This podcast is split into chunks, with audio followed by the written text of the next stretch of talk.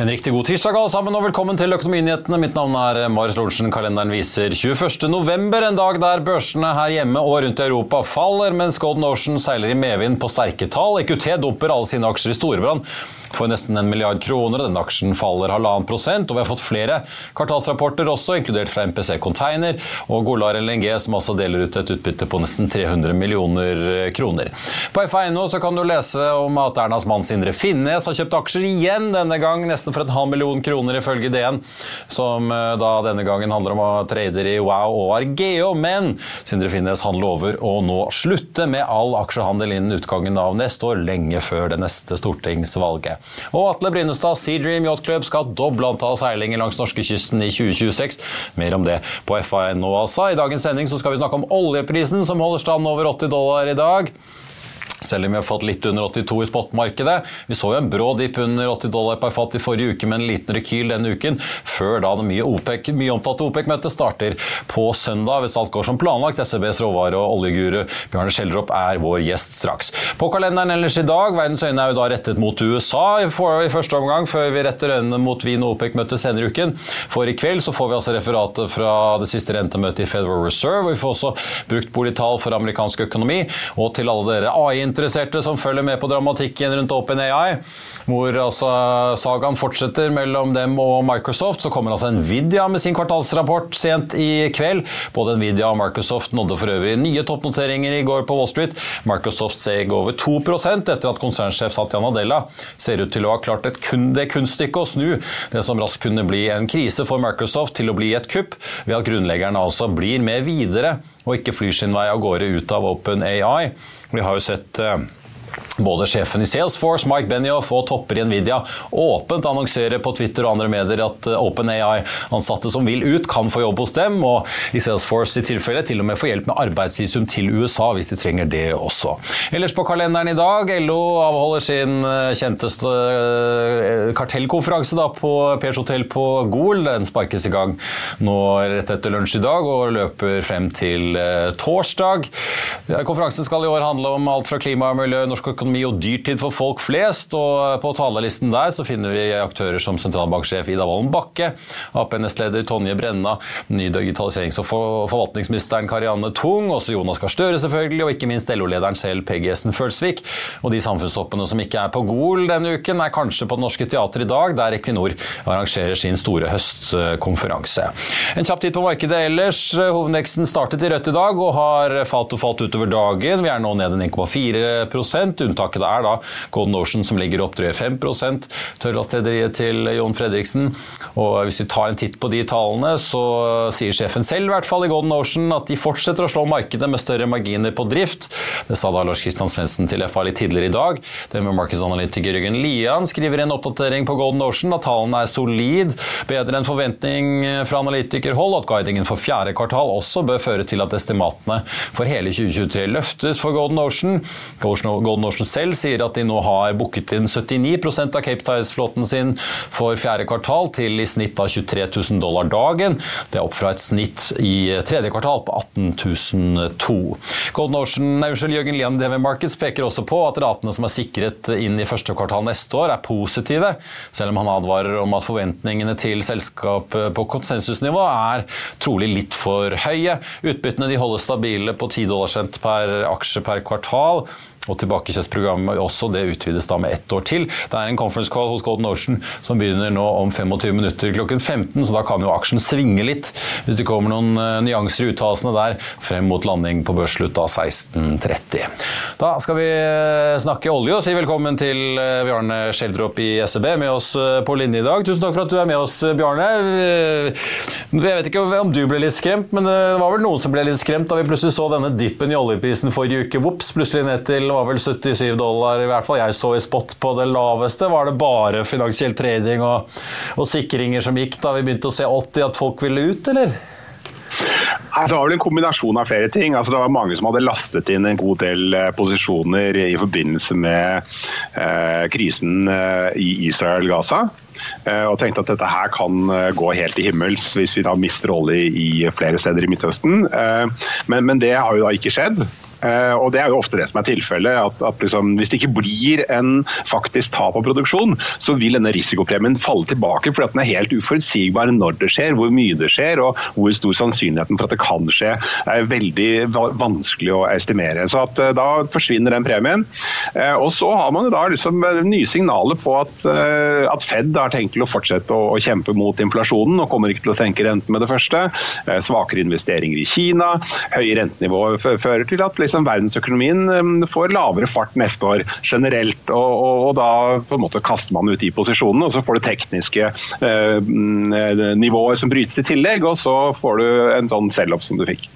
Men er det, ja, er det holdt jeg på å si, mye tekniske eh, finansielle posisjoner som flytter seg på automatikk, eller er det manuelle nedsalg som foregår? I noen aksjer så kan vi av og til si at hvis de når sånne litt sånn thresholds på kursene, så, boop, så er det masse eh, holdt jeg på å si, Nordnett-kunder som plutselig selger på automatikk, for de har lagt inn, eh, lagt inn en automatisk sperre der.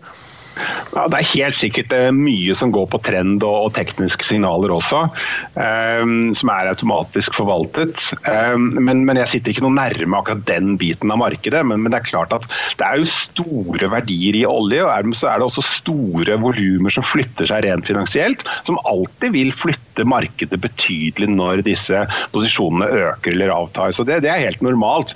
Men, men over det store og det hele så er det ikke de finansielle posisjonene og aktørene som setter prisene over tid. Eh, da er det liksom fundamentale forhold som, som styrer dette her over tid. Men, men, fra ene uken til den andre så kan det jo få voldsomme utslag på, eh, på at investorene mister troa eller får troa på, på sterkere eller svakere priser. Skal vi gå eh, rett til det alle går og venter på, som da sparkes i gang hvis alt går som planlagt da, på søndag og sikkert vil foregå litt utover i starten av neste uke, nemlig OPEC-møtet i Wien. Eh, hvor mye press er det på dette møtet nå, da? Er det ekstra spenninger om hva de blir enige om? Jeg syns det er ekstra spennende. Og, og, nå begynner vi å snakke om januar 2024. For det første så vet vi at etterspørselen i første kvartal den faller globalt med ca. en halv million fat per dag kvartal til kvartal. Så dette er et svakere kvartal. Så sånn sett så må OPEC ut og kutte litt inn i første kvartal. Og så vet vi at året totalt sett blir et svakere år enn 2023. Altså global vekst blir svakere, sier IMF, naturlig nok med den renteøkningen vi har hatt. Eh, men også behov for olje generelt faller jo, eller altså Veksten faller. Så, så, Konsumveksten i olje i år er anslått til ca. 2,4 millioner fat per dag per år. Det er jo en kraftig økning i etterspørselen, som følge av at man eh, gjenåpnet etter covid osv. En, en, en, til dels en normalisering. Um, men neste år så sier International Energy Agency at vi bare får en økning i oljeetterspørselen på 0,9 millioner fat. Så en, en, kraftig nedbremsning i konsumveksten av olje. Det er fortsatt store uenigheter om, om det blir så svakt. Og OPEC sier at nei, nei, nei, det blir ikke så svakt. Det blir pluss 2,2 millioner fat neste år, i tillegg til de 2,4 som man har hatt i år. Fordi vi skal ha videre normalisering og vi skal fly mer fly osv. Men, men jeg tror man skal være ganske konservativ med hensyn til konsumveksten neste år. Gitt at på en måte det globale eh, makrobildet ser jo på en måte svakt ut, og naturlig bør være svakt etter den kraftige renteøkningen som vi har hatt. Og, så Det er jo dette her som OPEC går inn i. Eh, og, og, og det er klart at jeg mener jo at Saudi-Arabia kan jo ikke bare sitte der og si at folkens, Saudi, vi ordner alt. Dette er ikke noe problem. fordi at det er jo da, En ting er hvis vi da ser på nåværende estimater for konsum og behov for olje fra Saudi-Arabia. Ja, det vil de kanskje klare. Men det betyr at, at at Saudi-Arabia må produsere 9 millioner fat som de gjør i dag, hele 2024. Men hvis det da ytterligere blir forsvakninger i global økonomi og oljeetterspørsel, så må jo da Saudi plutselig kutte ned til 8-5 og 8. ikke sant? Og Det har de ikke lyst til. Så jeg tror Saudi og Russland de må nå bringe de andre medlemmene på banen og si at folkens, nå må dere liksom step up the game, dere også. Men der har du jo du har et Venezuela hvor Joe Biden uh, virker i hvert fall å tillate at Chevron får uh, gjenåpne i hvert fall en god del av produksjonen. og Der er det vel noen venezuelanere som kanskje øyner å få inn litt dollarinntekter igjen og, igjen, og gjenåpne en ganske skakkjørt økonomi. Jeg vet ikke hvordan det ser ut ellers i OPEC-kartellet? Så Det er det som gjør det vanskelig. Både så trenger man litt mindre olje. Altså I utgangspunktet så, så sier AIA at vi trenger 0,3 millioner fat per dag mindre fra OPEC i 2024 enn 2023. Fordi global produksjonen utenfor OPEC øker raskere enn global konsum. Dermed så krymper kaken til OPEC. Eh, men det er på marginen. 0,3 millioner fat ja, det klarer OPEC fint å redusere og stille, fortsatt balansere oljemarkedet. Med mindre det på en måte går ordentlig ut av utforbakke neste år. Eh, men så har du da indre krefter, sånn som du påpeker også, som da en del medlemmer inni OPEC også skal øke, sånn som Venezuela, men også Iran som har økt ganske betydelig, eh, så blir det da enda mindre kake igjen på de andre. Når noen medlemmer skal ha mer kake, og OPEC totalt sett skal ha mindre kake, så blir det fryktelig mye mindre kake på de andre. Um, og, og, Dette er jo utfordrende, og det er derfor også Saudi-Arabia og Russland til dels kommer til å måtte kreve av de andre medlemmene, tror jeg. Det gjenstår å se, kanskje de ender opp med å ikke gjøre det. Men, men, jeg tror de kommer til å kreve. De kommer til å gå inn i møtet og si folkens, nå har vi vært the good guys. Saudi og Russland vi har vært the good guys. Nå har vi kuttet dypt i egen lomme på egen produksjon. Og alle har fått nytt godt av en høy og fin oljepris. Nå må dere også steppe up. Og hvis dere ikke stepper up, så kanskje vi øker produksjonen fra nåværende 9 millioner fat til 10 millioner fat. Så dette er jo riset bak speilet. ikke sant? At Saudi faktisk sier dere må steppe up, ellers så gjør ikke vi gjør ikke dette her alene lenger. Dere må hjelpe til. Så da er risikoen for de andre OPEC-medlemmene blir det sånn OK, skal, skal ikke. Og hvis de ikke gjør det, så øker Saudi kanskje til 10, og da faller selvfølgelig oljeprisen som en stein. Ja, det, si, det høres ut som en sånn slags reprise av hva vi så det var vel, Om det var ett eller to OPEC-møter for en tiår siden da plutselig Saudi sa nei. Vi gidder ikke lenger, og så holdt det ikke igjen. Og som med all skiferoljen som hadde kommet inn, så klappet jo prisen sammen eh, på ganske kort eh, tid. da. Men det er det vel ingen som har lyst til å få en repetering av, kanskje? Du tenker det famøse året 2014? Ja. Ja, Nå er jo situasjonen ganske annerledes nå enn i 2014. for Da var det jo vill vekst i skiferoljeproduksjonen. Ehm, men, men, nå ser vi jo at vi har jo mistet oljerigger eh, hver eneste uke omtrent i over et år. Sånn at Når du da ser på produksjonsprognosene for neste år, så, så skal amerikansk skiferolje og oljeproduksjon, eller total, total, natural gas liquids og alt mulig, skal øke med, med, mye mindre, kanskje bare en halv million fat uh, per dag uh, år for år. I slutten av neste år så ligger vi en, en årsvekst på kanskje 0,3 millioner fat per dag per år i, i Q4. Så, så, Sånn sett så er den eksterne utfordringen mye mindre. Så alt taler for, alt ligger til rette for at OPEC skal kunne fortsette å styre denne skuta ganske godt. Russland må ha en solid oljepris for å kunne finansiere krigen i Ukraina. Saudi vil ha en eh, solid oljepris, og de kan klare å gjennomføre dette her fordi skiferproduksjonen ikke har vill vekst lenger. Det er ganske rolig nå eh, i kommende år, er i hvert fall prognosene. Og, og, det er klart at det som har vært gjort av eh, rig count og, og drilling eh, så langt i år, det setter egentlig scenen for produksjonen i skiferolje neste år. Så alt ligger til rette for at Saudi, OPEC pluss Russland skal kunne styre denne skuta ganske pent gjennom neste år, uten å være redd for å tape for mye markedsandeler til eh, USA. Men det er klart at jeg, jeg tror eh, Saudi har ikke noe altså, Saudi bør jo egentlig gå inn i dette møtet neste helg slik at det er betydelig tro og tvil. Hvis alle tar det for gitt at Saudi eh, skal bære hele byrden eh, eh, til januar, første kvartal og 2024, så er det veldig vanskelig å starte det møtet. Så jeg tror Saudi må skape litt tvil før vi går i dette her møtet, for liksom å, å preppe de andre medlemmene dit. Så det kan, ja, det kan, være at vi får noen eh, litt sånne drypp via Bloomberg og CNBC og Reuters uh, fra kilder i OPEC litt sånn utover uken, da kanskje, for å varme ja, opp til ja. møtet? Ja, du ser jo allerede noen sånne forpostfestninger, f.eks. For Iran. Så, sånn, så Uavhengige observasjoner sier at Iran produserer 3,1 million fat. Og Så sier Iran nei, vi produserer 3,4. I mars har vi tenkt å produsere 3,6, og neste år skal vi produsere 4.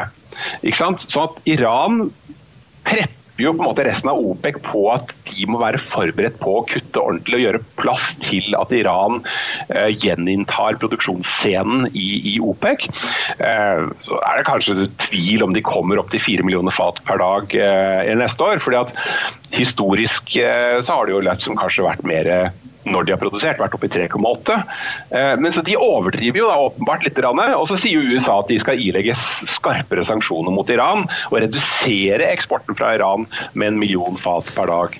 Ja, for Det jeg tenkte, altså, det ene er jo Iran har masse sanksjoner mot seg. Venezuela har fortsatt god del, selv om man prøver å åpne litt opp der. men hva med Russland? Det virket jo som eh, etter alle sanksjonene som kom den veien etter invasjonen av Ukraina, eh, at produksjonen og eksporten deres falt. Mindre enn det man kanskje trodde, men på et eller annet tidspunkt så begynner russerne å slite og når de ikke får tak i noe vestlig hjelp og teknologi til å drifte og utvikle eh, feltene sine. Får russerne litt naturlig drahjelp her, at de rett og slett ikke klarer å produsere så mye mer lenger? Ja, De klarer kanskje ikke å vekse så veldig mye. og så gjenstår det å se hvor mye den faller, men, men, de er jo flinke til å bore høl. så at eh, De kan jo bore mange høl, selv om ikke hvert høl er like sofistikert. Eh, potensielt i mangel av, av vestteknologi. Eh, men jeg vet ikke, altså, hvis du ser på de sanksjonene som, har, som, har, som man ila Russland, så var det jo med overlegg mål av at det ikke skulle stoppe eksporten av olje fra Russland. Man ville jo at eksporten skulle fortsette. Man ville bare oppnå at de skulle tjene mindre penger. Det var det eneste man ønsket. Så Alle visste jo at hvis man virkelig satte stopp for eksport av olje fra Russland, så, så ville jo oljeprisen eksplodere. Og det er det jo ingen som vil i den vestlige verden, verken i Europa eller i USA. Så, så at her er man veldig streng mot Russland, samtidig som ja, men dere kan godt eksportere, altså. Det, det, virker i hvert fall på gjengen på Equinors høstkonferanse som om de fleste syns det er veldig hyggelig med sånn 70-80, kanskje 90 dollar, men de trenger ikke der 120-30, for da blir det litt, vel, litt vel hot i næringen. Ja, men altså, det er ingen som ja. ja. Nei, men altså, det er jo ingen som synes at, og Særlig i den nåværende situasjonen med, med, høyt rentenivå og, og, svakere vekst, så er det ingen som har lyst til å ligge, legge sten til byrde og ha 110-120-150 dollar per fat olje. Men så må vi huske på at hvis vi tar siste 20 års gjennomsnittlig oljepris og inflasjonsjusterer den, så får vi liksom 97 dollar per fat. så at Sett fra konsument sin side, så er det ikke 85 dollar noe spesielt høyt. Det er en ganske normal pris sånn, vi ser de siste 10-20 årene sånn inflasjonsjustert, men, men det er høy i forhold til den nominelle gjennomsnittsprisen som var fra 2015 til 2019 på 58 dollar. Ja, ikke sant. Men eh, bare til slutt skal vi runde av litt med etterspørselssiden. Eh, for det virker jo som de også må ha i bakhodet her en slags balansegang med at sentralbankene rundt omkring jo faktisk prøver å få ned temperaturen og aktiviteten i økonomien eh, både i Nord-Amerika, Europa og andre steder. Jeg hørte Amrita Sen i NG Aspect som var nede på konferanse i dag. Hun har jo nylig vært i Kina og sa at det virker ikke som om aktiviteten og etterspørselen det er noe tegn til noe faktisk nedgang eller svakhet der, selv om Kina vokser saktere nå enn de gjorde. Hvordan ser etterspørselsbildet ut da? Ok, du, du, ga jo noen på en måte tall av hva man estimerer, men se, liksom, legger du inn en reell resesjonsoppbremsing som et reelt scenario her, eller?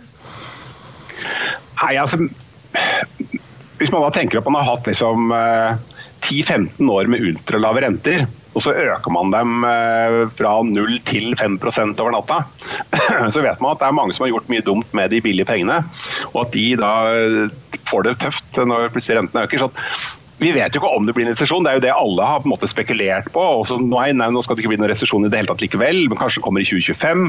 Men det vi vet er jo at disse høye rentene de fører, det er en motvind for økonomien. Det er en negativ motvind, og den kommer med en forsinkelseseffekt. Sånn at Det høye rentenivået nå vi har hatt i dette siste halvåret, det har, får vi smerten fra liksom i neste halvår eller om et år. Så at eh, Man skal være liksom edruelig med hensyn til vekstprognoser for det meste i 2024, antageligvis. Ehm, men, men, så har man jo også potensialet for såkalt pent up demand. At, eh, at det fortsatt man har litt gjeninnhenting etter covid-årene som skal eh, tas tilbake. Så nå har vi en konsum på kanskje 102 eh, millioner fat per dag. Hvis det hadde vært normalt, så kanskje vi skulle hatt 104-105. ikke sant? Så Det er jo litt det som gjør at OPEC fortsatt har et veldig høyt etterspørselsestimat for, for um, oljeveksten neste år, på 2,2 millioner fat per dag per år, istedenfor 0,9 som IA. De mener liksom nei, men det er fortsatt stort potensial. Det er veldig vanskelig å, å, å si, men jeg mener at det er fornuftig å være konservativ med hensyn til vekst vekst eh, neste år.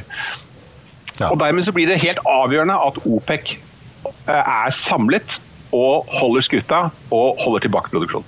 Ja, for, jeg bare for å oppsummere da, hva, hva, er det vi bør se gitt det du sier om at man eh, i lavsesongen i starten av året kanskje trenger en halv million fat eller 900 000 mindre enn eh, man trenger resten av året.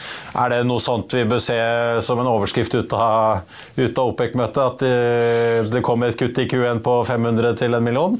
Ja, det tror jeg. Det tror jeg. jeg tror eh, Iveren etter å holde oljeprisen på dette nivået tror jeg er høy. Det tror jeg de virkelig eh, ønsker. Så, så de må framstå med unity. At de er liksom står samlet. Det er en samlet front. Det er ikke bare Saudi helt alene. Eh, med litt hjelp fra Russland.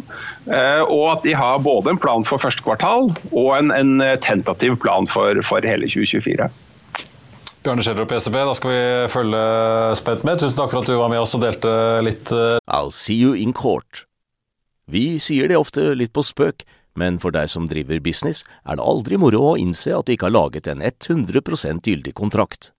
Du bør ikke risikere hele firmaet ditt fordi du synes dette med kontrakter er litt stress. En avtale er ikke en avtale. Du kan miste kunder, miste venner, ja, til og med miste inntekter om du ikke lager en skikkelig kontrakt, på alt mulig, egentlig. Men vi vet det er et styr, kopimaskiner, treg printer og haugevis av papir. Dessuten stoler vi jo på folk her i landet. Det er ofte litt kleint å skulle be om en signatur for alt mulig, ja, for mye av styret handler også om jakten på underskriften.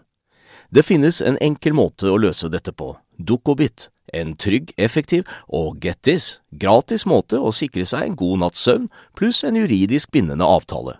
Dukkobit-appen har de strengeste sikkerhetskrav i bunn, samt en EU-godkjent og sertifisert teknologi.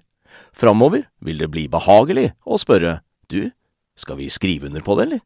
Kom i gang på dukkobit.no tanker. Eh, vi fikk jo litt impulser fra vår eh, kjære nabo i på Børsmorgen i morges. Her forteller Anna Strømberg, bærekraftsjef og forvalter i Carnegie Fonder, Karl Johan, hva som er hennes favoritt i porteføljen akkurat nå. Jeg har sett på porteføljen din, og der er jo en del gode, kjente navn her, som Munters og Geting og Nibe og Elekta. Det er jo gode høykvalitetsselskaper. Hvis du skal løfte fram ett av de selskapene som veldig bærekraftig, hvilket av de selskapene er det du da foretrekker? Nej, men eh, jag tycker alla de såklart har väldigt tydliga bärkraftstrender bakom sig. Men eh, om vi tar ett av dem som du nämnde nu då så, så är väl Munters ett som är väldigt tydligt som eh, eh har eh, stor då till eh, datacenter. Ni pratade AI förut. Det är ju en eh, sektor som kräver väldigt mycket datakraft. Datakraft kräver väldigt mycket energi för kylning eh, och därför är kylning och en effektiv kylning väldigt viktig för, för datacenter.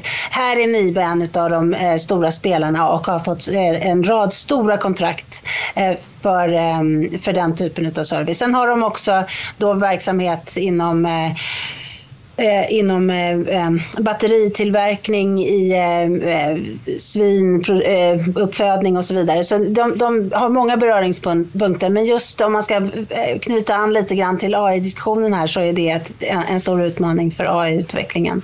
ett annat bolag som du nämner här, där är ju då Geting och Elekta som ju såklart har på olika sätt men lösningar för för eh, hälsa, som bidrar till hälsa och eh, välbefinnande. Och Getinge har vi ju sett också, har ju varit en sån, eh, ett sånt bolag som har gynnats väldigt mycket av corona, men när vi också har sett att vi behöver den typen av produkter i större utsträckning för att klara av den typen av chocker, för att klara av en åldrande befolkning och så vidare. Och så har det funnits många anledningar till att vi har fått en väldig svängning i, i, deras, i deras utveckling på grund av corona, plus att de har haft en del problem med sina produkter men det tror vi nu att de har kommit till eh, bukt med och att eh, vi har en, en betydligt bättre och mer lönsam tillväxt framöver. På avslutningen av sendingen så tenkte jeg bare å eh, ta med noen andre nyheter som er verdt å få med seg. Vi fikk jo da tall fra MPC Container i dag. Aksjen eh, ligger en eh, så vidt i minus, ja, nesten prosenten i minus nå. Etter altså, vet du, Vi har sett et ganske kraftig fall i containerskipsmarkedet, som jo har svekket resultatene, ikke overraskende, til MPC i tredje kvartal. Omsetningen tikket likevel oppover nesten 15 Rederiet hever guidingen og lover enda mer utbytte, men det er jo da fordi de lever godt på noen kontrakter som er inngått tilbake i tid på langt høyere rater enn det man kan få i dagens marked. Høyere laksepriser og økt salg førte til et sterkere resultat for Mosseval i tredje kvartal. Før skatt gikk resultatet fra 52 til 105 millioner kroner fra tredje kvartal i fjor til i år. Aksjen startet også i grønt i dag, men har flatet noe ut. Nå ligger de ned halvannen prosent på det som er en ganske sur børsdag ellers. Og så er det en stor oppgang i dag i Am Solar. Nesten ja, rundt 30% er den aksjen opp før det da nærmer seg ankebehandling for den langvarige rettsstriden som Eam Solar har vært i i Italia. Hynions hydrogenstasjon i Porsgrunn er godkjent og vil snart åpne. Det melder selskapet i dag, og når den åpner, så blir det selskapets femte i drift. Den aksjen har vært kraftig opp i dag, oppover rundt 40% og ligger den opp 26 til eh, da en tre, nesten 34 øre aksjen. Eh, vi får si da relativt tynne volumer, eh, tross alt, men likevel. Aksjen er da fortsatt ned 45 grovt regnet fra nyttår, til tross for den kraftige oppgangen nå i dag. Hovedveksten ligger ned 1,3% til 12,89, og så er det jo da Golden Ocean som er det store unntaket på mest omsatte listen. En enslig, grønn svale, kan vi nesten kalle det. Opptas rett under 5 nå. Storebrand på topp på omsetningslisten i dag etter EQTs salg på nesten en milliard kroner. Den aksjen er ned 1,7 det samme med Equinor. Og Aker BP ned 3,2 Ellers så ser vi at DNB, Frontline, Norwegian, Hafnia, BVLPG, Hydro, Telenor, Yara, TGS og mange andre kjente navn, alle ligger ned på listen over de mest omsatte aksjene. Så er det jo da EAM som ser ut til å bli dagens store vinner. Rundt oss i Europa så er det foreløpig da bare Dax i Frankfurt, som er så vidt i grønt i dag, har karet seg oppover over målstreken der, mens alle de andre store indeksene stort sett ligger i rødt. I Finansavisen i morgen eh, så skriver Trygve Egnar 'fy faen', eh, som da siterer Raymond Johansen, som jo nylig gikk av som byrådsleder i Oslo. Du kan også lese om oljefondets saftige Microsoft-gevinst. Du kan lese om oppkjøpsfondet EQT, da, som selger seg unna i forsikrings- og sparegiganten Storebrand. Du kan lese om Stolt Tankers, som har bestilt nye kjemikalietankere, og om investor Edvin Austebø, som har lastet opp i Adevinta, oppkjøpskandidaten før da kvartalsrapporten kommer der om to dager på torsdag. Det var det vi hadde for deg her i dag. Husk at vi er tilbake igjen med Børsmorgen 08.55 i morgen. Da kommer sjefen i Sparebank Sør, der det nå er masse egenkapitalbevis å få kjøpt hvis du er interessert. Blir banken da med i denne fusjonsbølgen som vi har sett slå inn i banksektoren? Vi spør Bergskau når han kommer hit i morgen. Og så kommer også Gjensidig-sjefen hit til Økonominyhetene 14.30, rett fra forsikringsselskapet sin kapitalmarkedsdag, som avholdes i morgen. Og vi må jo da spørre han om han også tror at 2024 blir forsikringsbransjens år, slik Jan Petter Schissner og Karl Johan Månes spådde her på fredag. I mellomtiden så var det som alltid siste nytt på fa.no, inkludert nyheter fra Feds rentereferat og Nvidia-tallene som altså kommer etter stengetid Wall Street litt senere i kveld. Mitt navn er Marius Olsen, tusen takk for at du så eller hørte på, og så håper jeg vi ses igjen i morgen.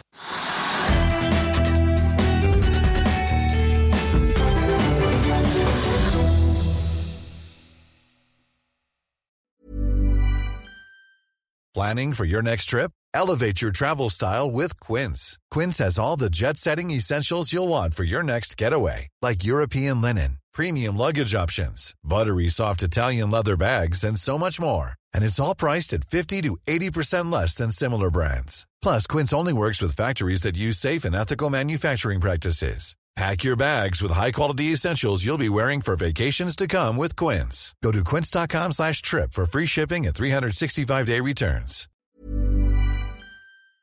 Økonominyhetene er en podkast fra Finansavisen. Programledere er Marius Lorentzen, Stein Ove Haugen og Benedikte Storm Bamvik. Produsenter er Lars Brenden Skram og Bashar Johar. Og ansvarlig redaktør er Trygve Hegnar.